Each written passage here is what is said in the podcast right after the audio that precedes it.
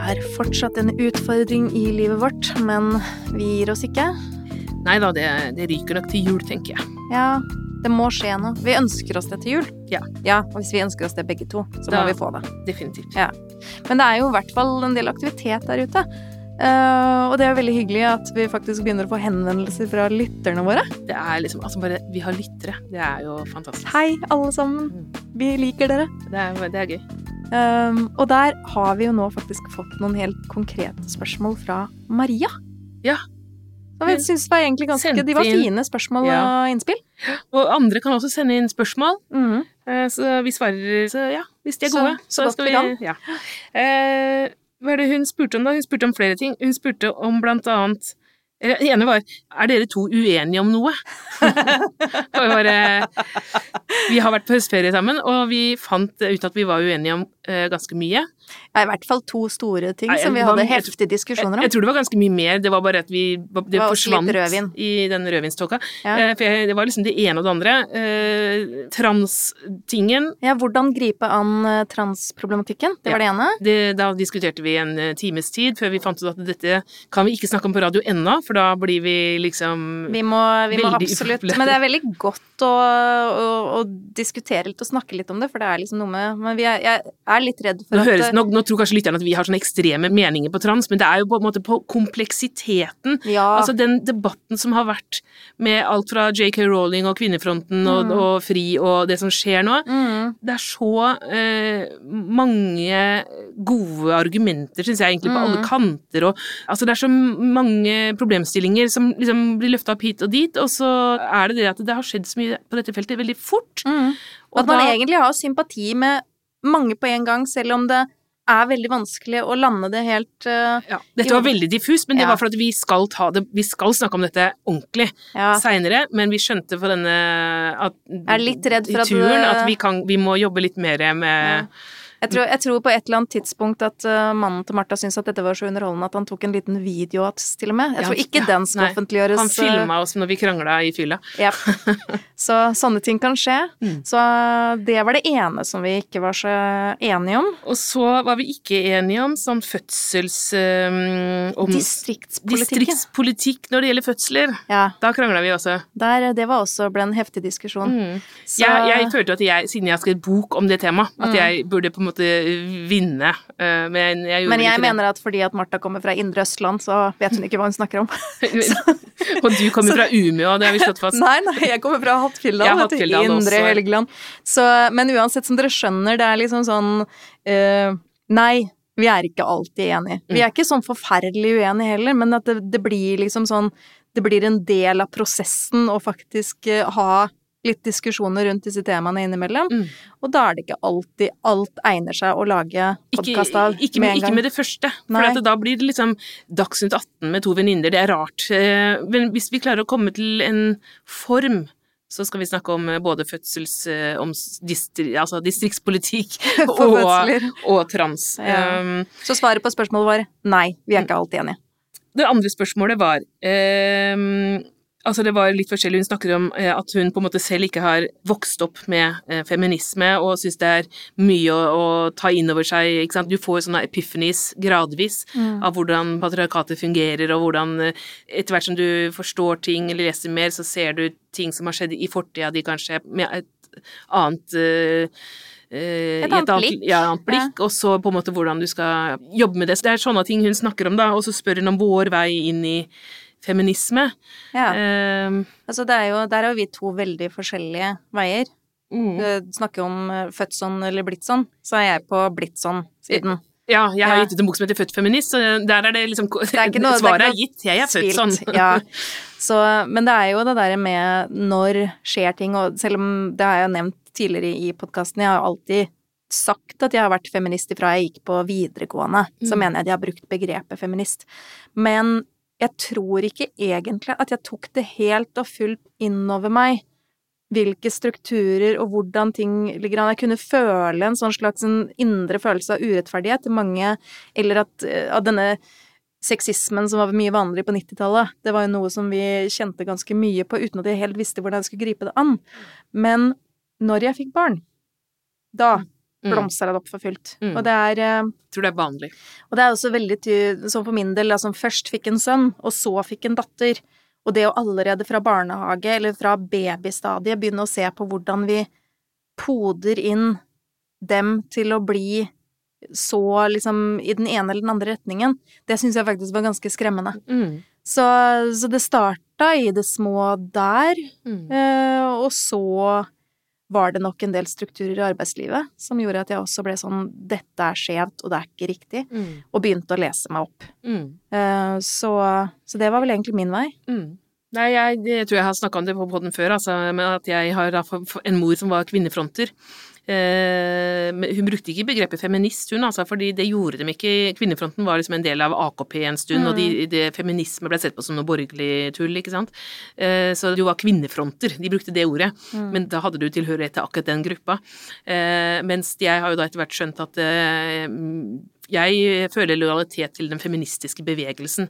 Jeg kan gå i tog sammen med feminister på høyresida, og jeg, for jeg mener at eh, vi, vi tar noen kamper i fellesskap. Det kunne man jo ikke på 70-tallet. Da var det på en måte veldig Det er sånn helt uaktuelt. mm, Ja, og det tror jeg spesielt i abortsaken, at vi så veldig tydelig at eh, noen av de feministiske kampene er faktisk apolitiske Mm. for Altså partipolitikk, da. parti parti Ja.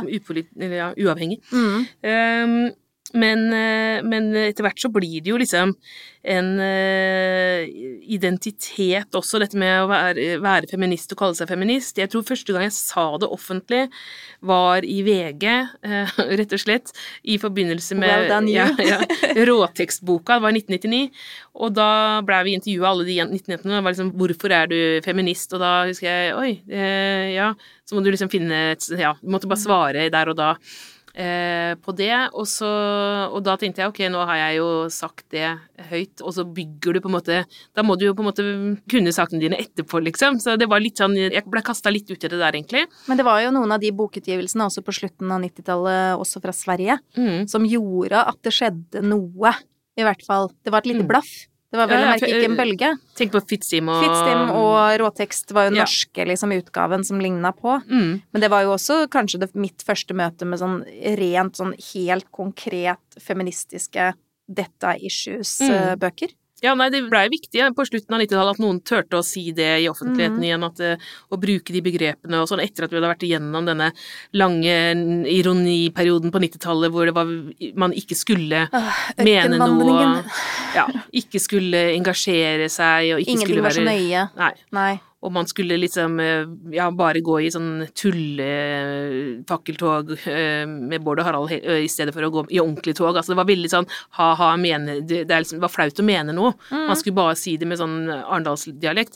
Sånn rifla pommes frites, det var liksom bare det. Og så hvis du faktisk mente noe, så var det liksom litt kleint. Og så ble det nesten oppfatta som at da var du ironisk da også, fordi at hvis du gadd å si det, så var det sikkert ironi. Ja. Så, Så det var liksom, det, var en kultur som vi på en måte vokste opp i. Og jeg mener vi hadde det gøy på 90-tallet, det er ikke det, men eh, jeg sier ikke at alt var dårlig på den tiden, men det påvirka oss veldig i forhold til å finne ut eh, hvem er jeg i forhold til eh, i denne debatten? Mm. hvem er det egentlig jeg skal høre på her når det gjelder For eksempel så var det jo sånn Min første kjæreste i, i Oslo, da var jeg par og 20 eller sånn, han hadde svære bilder av sånne nakne fotomodeller, det var en Helmut Newton eller sånn, overalt da. Eh, veldig, veldig sånn skinny, ja, de er veldig nakne høye og nakne ja, og, sort-hvite. ja. Eh, Og sminka. Og, og jeg var jo ikke helt komfortabel, jeg var 22 år i min egen kropp selvfølgelig, eh, er man vel ikke som 44-åring heller, men eh, jeg husker jeg var litt sånn, eh, jeg syntes ikke det var noe gøy å ha de bildene over senga når vi skulle ha sex, så jeg sa liksom, du, altså, hvorfor har du de overalt og sånn men det ble sett på som veldig sånn, det var flaut. pryd, Ja, det var, Ja. det var flaut å innrømme at man hadde den typen eh, tanker og svakheter, liksom, for det var veldig sånn lite tids, eh, i tidsånden. Og så skjedde det da, at han nå høres det ut som jeg snakker, han er, han er en hyggelig fyr på mange måter, men dette var de, de tingene jeg husker på det feltet der, da. Han eh, ville dra på et konsert med den der gruppa som heter Rock Bitch, hvis du husker det? Det var jo da en sånn ja. rockegruppe fra Tyskland som drev og spilte eh, nakne, eh, og så kasta de ut en sånn golden condom i salen, og den som fanga den, kunne gå inn og knulle en av de på bakrommet. Og så festa de en sånn gummikuk på huet til en eller annen heldig fyr, da, som fikk lov å stå og liksom putte den opp i gitaristen. Og dette, dette, skulle han på, og da Ottar sto selvfølgelig utafor og protesterte, ikke sant. Uh -huh. Og jeg satt hjemme og sa at du, jeg er ikke helt komfortabel med at du drar på det der, jeg. For jeg, jeg hadde ikke noe ordforråd annet enn at jeg Det ble liksom bare sånn Nå ville vi jo sagt bare herregud, ta deg sammen, ja. mann. Men det, det, gjorde man liksom ikke på den tida. Og, fall, og ikke når man var ung. Så det var rett og slett den derre ubehagfølelsen at jeg ikke Jeg skjønte Jeg prøvde å finne meg sjøl. Hva er det? er det? Er det bare jeg som har så innmari dårlig selvtillit for min egen eh, kropp og seksualitet at jeg ikke unner han å pule eh, rockbitch, liksom. For han kan jo få gullkondomen, liksom. Kunne jo fått den, liksom. Uh, han fikk ikke det nå. Uh, men i hvert fall uh, dette, dette, Jeg husker at jeg sleit med disse tingene, og dette var jo mm. etter at jeg faktisk liksom hadde egentlig kalt meg feminist, men jeg bare ja. Så, så, det er en lang prosess mm. til man blir Nå blir jeg oppfatta som selvsikker på feltet og sånn, og det er jo Man er jo ikke alltid det heller, det er masse ting man er usikker på, men jeg har på en måte funnet ja, stemmen min. Du har jo noen verktøy, da. Jeg har noen det, verktøy, ja. noen ord og ordforråd. Ja. Skitviktig. Ja. At du liksom klarer å Ja, bare det at vi altså, Vi bruker ordet patriarkat her hele tiden, og mange syns det er skikkelig sånn teit og kleint ord. Ja, må dere bruke det ordet, og, og er, hvorfor skal dere bruke det som en altså? Ikke sant, men jeg tenker sånn at hvis du får angst av ordet patriarkat, så er du sannsynligvis en del av patriarkatet. Det må man bare kunne si. Med en gang man føler seg trygg på noen sånne ord På 70-tallet begynte man å snakke om Det var da man begynte å snakke om kjønnsdiskriminering, om kjønnsroller kjønnsroller. Et ord som mm. kjønnsrolle fantes jo nesten ikke før det. Med en gang man begynner å tenke ok, hva er det egentlig? Betyr det at eh, vi også spiller noen roller opp mot kjønn? Eh, med en gang du begynner å mm. få de ordene inn, så blir det mye lettere. Ja, og så er det jo sånn som jeg pleier også å beskrive det. Der har du en gang fått de brillene på, mm. de feministiske brillene, da er det ganske vanskelig å ikke se ja, ikke sant? Ja, det er sånn Det er ikke bare å ta de av igjen. Uh, men det gjør jo det betyr jo ikke at man trenger å være sinna på alt hele tiden likevel. Nei, sinna det er jeg sjelden. Ja. Eh, det som Bare Litt. Ja, det, Men da er det på sin plass. Tenker du på den på hytteturen, da? Nei, jeg tenker på, tenker på at det, det, skjer jo innimellom at vi Det hender jo. det hender jo. Men, mm. Eh, men, det som jeg landa på med det hele, da, at man ikke behøver å være så flink, da. Det, fordi at noen, litt sånn som i den mailen her også, og andre, de lurer liksom på hva, hva, er rett og galt. Hvordan skal jeg gjøre det? Ja, og, og da er det sånn at det, det, å være feminist skal ikke være noe en, enda en ting man skal være god på, liksom. Det er, ikke, det er, ikke, om å gjøre å, ha, å kunne masse i og tall og Det er ikke det det dreier seg om i det hele tatt. Og jeg må anbefale den boka som heter Bad Feminist av Roxanne Gay, for hun snakker ja. om dette her skikkelig bra. Hun, hun, hun skikkelig bra dame, ja.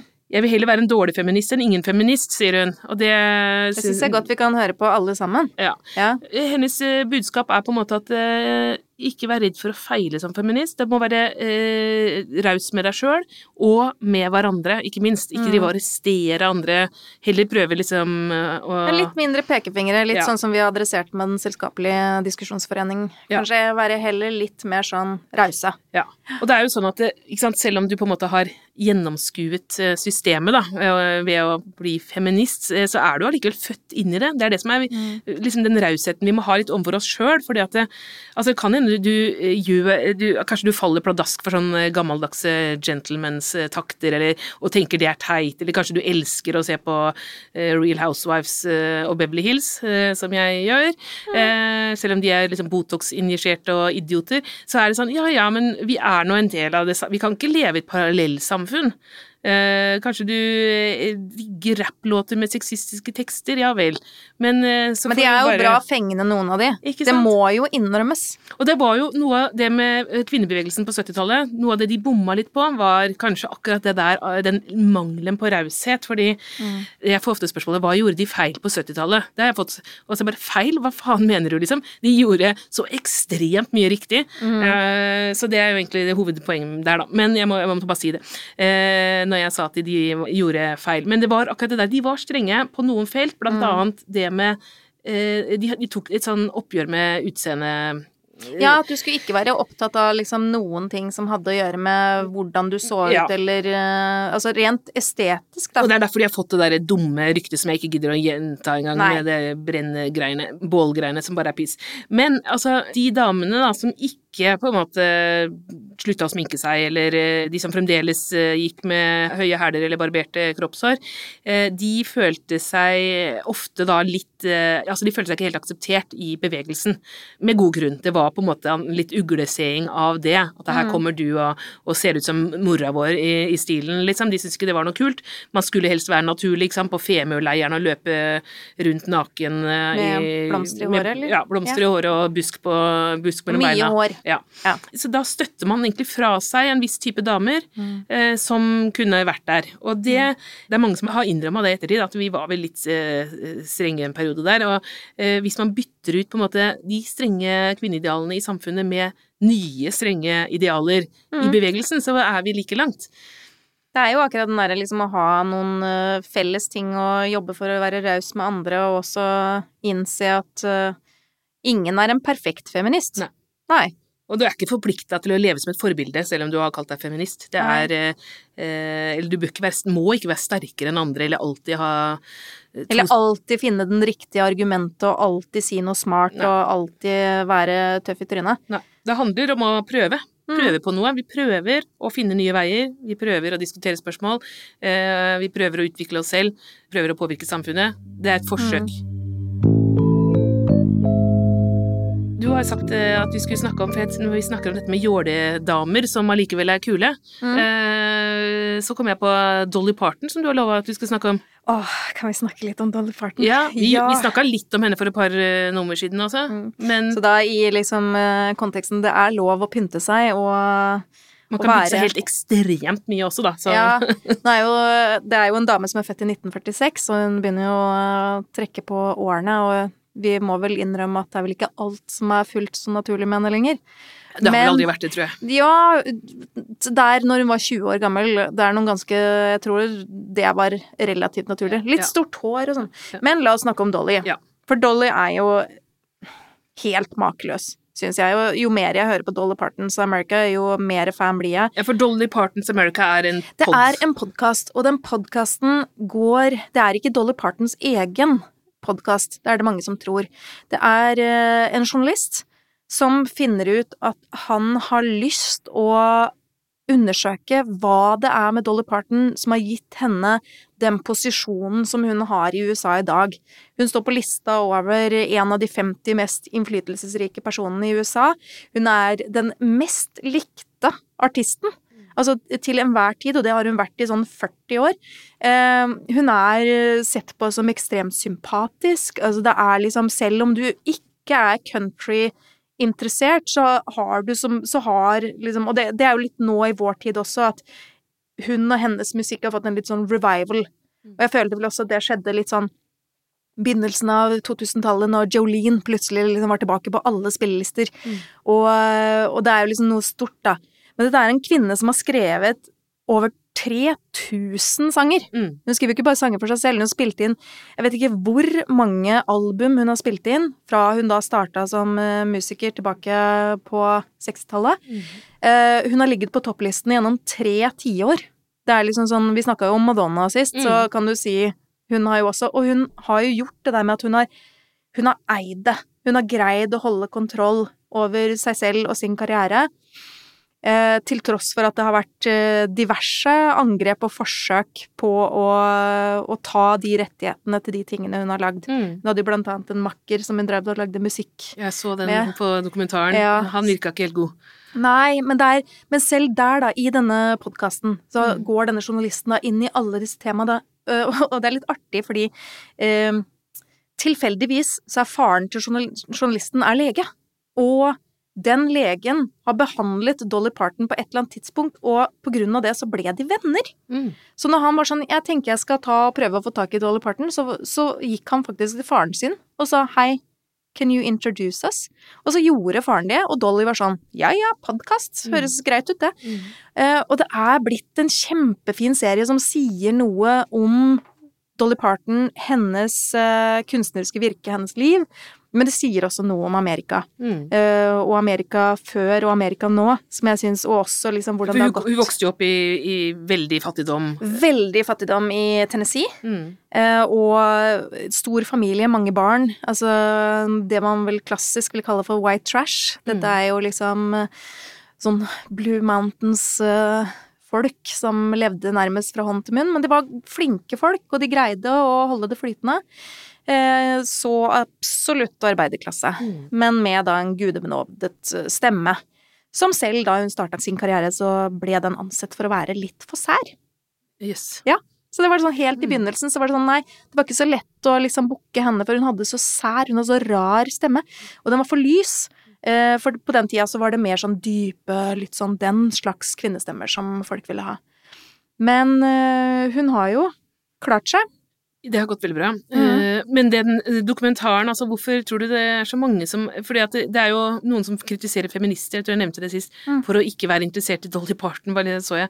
Men det er jo bare tur, for at det virker som om feminister har omfavna uh, denne Dolly-kulturen som er For Mm. man må si det er noe som skjer akkurat her og nå. Ja. At det er plutselig Dolly i alle, alle kanaler. Uh, men eh, så hun selv har jo ikke Hun vil ikke ta i det ordet, F-ordet. Nei. Og det er jo veldig morsomt fordi at er eh, Og det er jo det som er litt fint med denne podkastserien, for der driver jo da journalisten og drøfter Dolly med litt andre folk. Så han har litt sånn samtaler rundt, og så snakker han med Dolly om det de har snakka om, gjerne, og da blant annet feminisme. Og da har han da en kollega som er veldig på at jo, Dolly er jo feminist fordi self-made, har beholdt kontrollen, hun er liksom eh, Altså, hun er et ikon, da, og at hun eh, på så mange måter er likestilt. Eh, og så adresserer han det til henne og sier at ja, men du, du er jo feminist, du. Og det vil hun ikke ha nå. Nei. Nei, nei. Nei, hun er ikke noe feminist, og hun liker tror, menn. tror, tror, du, tror du ikke at det bare er For hun er jo for smart egentlig til det. Altså hun er jo, hun er jo Jeg tror det må jo være en landstrategi hun har, fordi at eh, som du sier, det å være så brei som hun er, og bli likt Mm. av så mange, er jo fordi at hun da ikke støter noen. Ja, da kan du ikke skremme fra deg de konservative folka som, ja. som tror at feminister er livsfarlige. Ja. Eh, men det er jo noe Det vi må si at det er jo også noe med hvor hun kommer fra. Mm. Og, og det at feminisme og den tiden som hun bevega seg i, eh, det var ikke noe positivt fortegn. Det ble sett på som, som negativt på den tida. Ble jo sett på som ganske Ja. negativt ennå. Men da måtte jo journalisten bare ta et steg tilbake og så ta seg en runde og en ny samtale med den andre kollegaen, og så, og så er hun sånn Når hun hører da at Dolly har sagt at nei, hun er ikke feminist, så, så sier kollegaen Ja, men hva om du adresserer det til henne som at hun er en teoretisk feminist? Eller en hverdagsfeminist, som hverdags- Frp-erne kaller Ja, seg. er det det det Det var Solveig Horne var hverdagsfeminist. Hun var bare feminist på hverdagene, Ja, og så var hun ikke ikke feminist i helgene. Det er litt fristende noen ganger, da. Ja, men når han da går tilbake til Dolly, så sier han at ja, men i teorien, Mm. da er hun med. Det er hun enig om. Ja, Ja. Det, det vil jeg tro. Eh, veldig mye av det hun har sagt og gjort opp igjennom, er jo pur feminisme. Og det, det der med å Jeg tenker at hvis man ikke vil bruke det ordet Jeg personlig syns jo at folk burde gjøre det, men det er egentlig ikke så farlig. Eh, ikke sant? Jeg har jo reist og holdt foredrag for eh, sånne sanitetskvinner rundt i hele landet. Mange av de er jo litt sånn konservative. Det kommer mange fra Høyre, mange gamle husmødre og litt sånn type ting, eh, som ikke har sett på seg selv som feminister. Men det de driver med, er jo bare feminisme. Ja. Så jeg har sagt det liksom at dere er jo feminist, dere er den største feministorganisasjonen i Norge. Eh, Dere jobber liksom for å bedre gjør. kvinners eh, kår på alle mulige måter og har gjort det i 100 år. Så det, og så da ser du noen som omfavner det, og noen blir litt sånn øh, øh, ja. Kanskje de melde seg ut. Ja. Nei, men ikke sant, altså det sier jeg bare Ja, det er Jeg husker at um, Shabana Rehman, hun var også sa det for noen år siden, så tok hun avstand fra feministbegrepet. Det er 15 år siden, altså. Men det er liksom jeg bare sa Nei, men Shabana, du er feminisme på to bein. Ja, Det er liksom, det er det du driver med. Men da var vel feministbegrepet nede i en sånn dal, og så tar man noen sånne strategiske valg, eller kanskje man føler eh, at det ikke er lurt, kanskje man føler at eh, noen som kaller seg feminister har sagt noe dumt, så jeg vil ikke forbindes med dem. Altså den måten å tenke på, som jeg prøver å Ja. Det, jeg sier at det er jo Du kan være kjempeuenig i hva en feminist sier. Du kan ha et helt annet politisk ståsted. Det betyr ikke at du eh, er mot feminisme som sådan. Det er på en måte litt viktig å si. Mm. Men det er jo noe som vi kan minne folk på rett som det er, akkurat det der. Altså det er eh, Tross alt så er det jo Eller det som jeg alltid parerer med. Hæ? Er du ikke for likestilling? Mm. Syns du ikke at vi skal ha samme lønn? Syns du ikke vi skal ha de samme rettighetene? Det er veldig rart.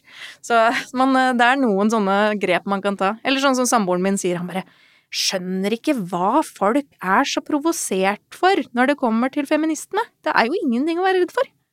Og det er jeg jo enig i. Feministene ligger med han, Ja, så han tenker bare så han, han, han har noen fordeler der, Ja, det ja. skal sies. Men i hvert fall eh, Dolly, hun er jo da Vi kan konkludere med det at hun er feminist i teorien og i alt hun gjør, og alt tyder på at hun er en god feminist også. Det, det tror jeg. Men visste du at Dolly Parton har endometriose?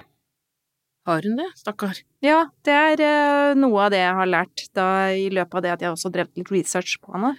Så hun uh, har vært ganske hardt ramma av endometriose, og i 1985 så måtte hun fjerne livmoren Mm. fordi at hun eh, fikk det. Mm. Og hun har også uttalt Da, men fantes ikke den, den diagnosen fantes vel ikke i 1985? eh, Hun har fått en diagnose, altså diagnosen har jo vært til stede lenge, men behandlingen av den sånn Og som man- forståelsen av det, liksom? forståelsen av hva det innebærer, og hvordan man kan gjøre noe med det, blant annet med liksom kikkhuls, altså laparoskopi, som har blitt vanlig etter hvert. Men det er jo Den ekstremvarianten er jo å fjerne livmoren.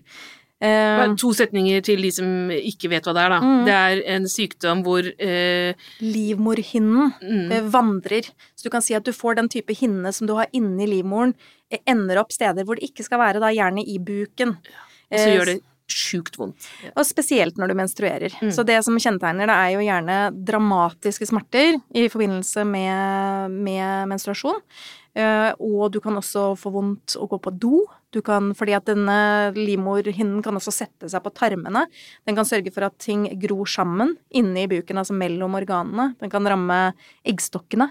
Så det er en, og en ekstremt smertefull eh, type sykdom som hvis du blir ramma av den, så kan du nesten bli invalidisert av den. Som har, det har vært veldig lite oppmerksomhet rundt, så folk eh, har ikke fått riktig diagnose og sånne ting. Nei, og det er det som jeg også merker meg, fordi at eh, for noen uker siden så hadde vi atter en gang en sånn gourmetklubbaften, og så nevner en av venninnene mine at datteren sliter så forferdelig med menstruasjonssmerter at hun er helt satt ut av spill i dagevis. Hvorpå både jeg og en annen av våre venninner er sånn ja, men har hun blitt sjekka for endometriose? Og så ser vår venninne på oss og sier endometrio hva for noe? Altså det er, og da har de vært hos legen flere ganger, fastlegen har ikke adressert at det kan være tilfellet i det hele tatt. Og det er jo noe med Sånn er det fortsatt i Mm, 2020, mm. at endometriose er underdiagnostisert. Um, og det rammer jo altså Det er voldsomt hvordan det rammer eh, kvinner som, som da får det. Og det kan gå utover fertiliteten, det kan gå utover livskvaliteten, og det kan gå utover mange sider av livet ditt. Uh, en av de som også har vært veldig profilert og snakka mye om endometriose, er jo Lena Dunham. Mm. Og hun har jo også, hun, altså, som jeg nevnte i sted, det er veldig uvanlig at du må fjerne livmoren. Mm. Men hun har også fått fjernet hele livmoren. Okay. Ja. Og hun hadde rett og slett var så hardt ramma at det ble det hun måtte gjøre til slutt. Tragisk. Så der er det vel egentlig bare en oppfordring til alle der ute. Hvis du ikke vet hva endometriose er, ta og sjekke ut det. Endometrioseforeningen fins. Det gjør det. Og øh, hvis øh, du eller noen rundt deg sliter med skikkelig, skikkelig menstruasjonssmerter som er litt uforklarlige, få legen til å sjekke deg. Og hvis ikke legen vet hva det er, be om en henvisning. Bytt lege. Husk at dere kan finne oss på Facebook, dere finner oss på Instagram, og dere kan også sende oss en e-post på patriarkatefaller at gmail.com. Du har hørt podkasten Patriarkatet faller av og med Marta Breen og Anette Garpestad. Teknikk og musikk ved Margarita Krimici. Og utgiver er Cappelen Dam Forlag.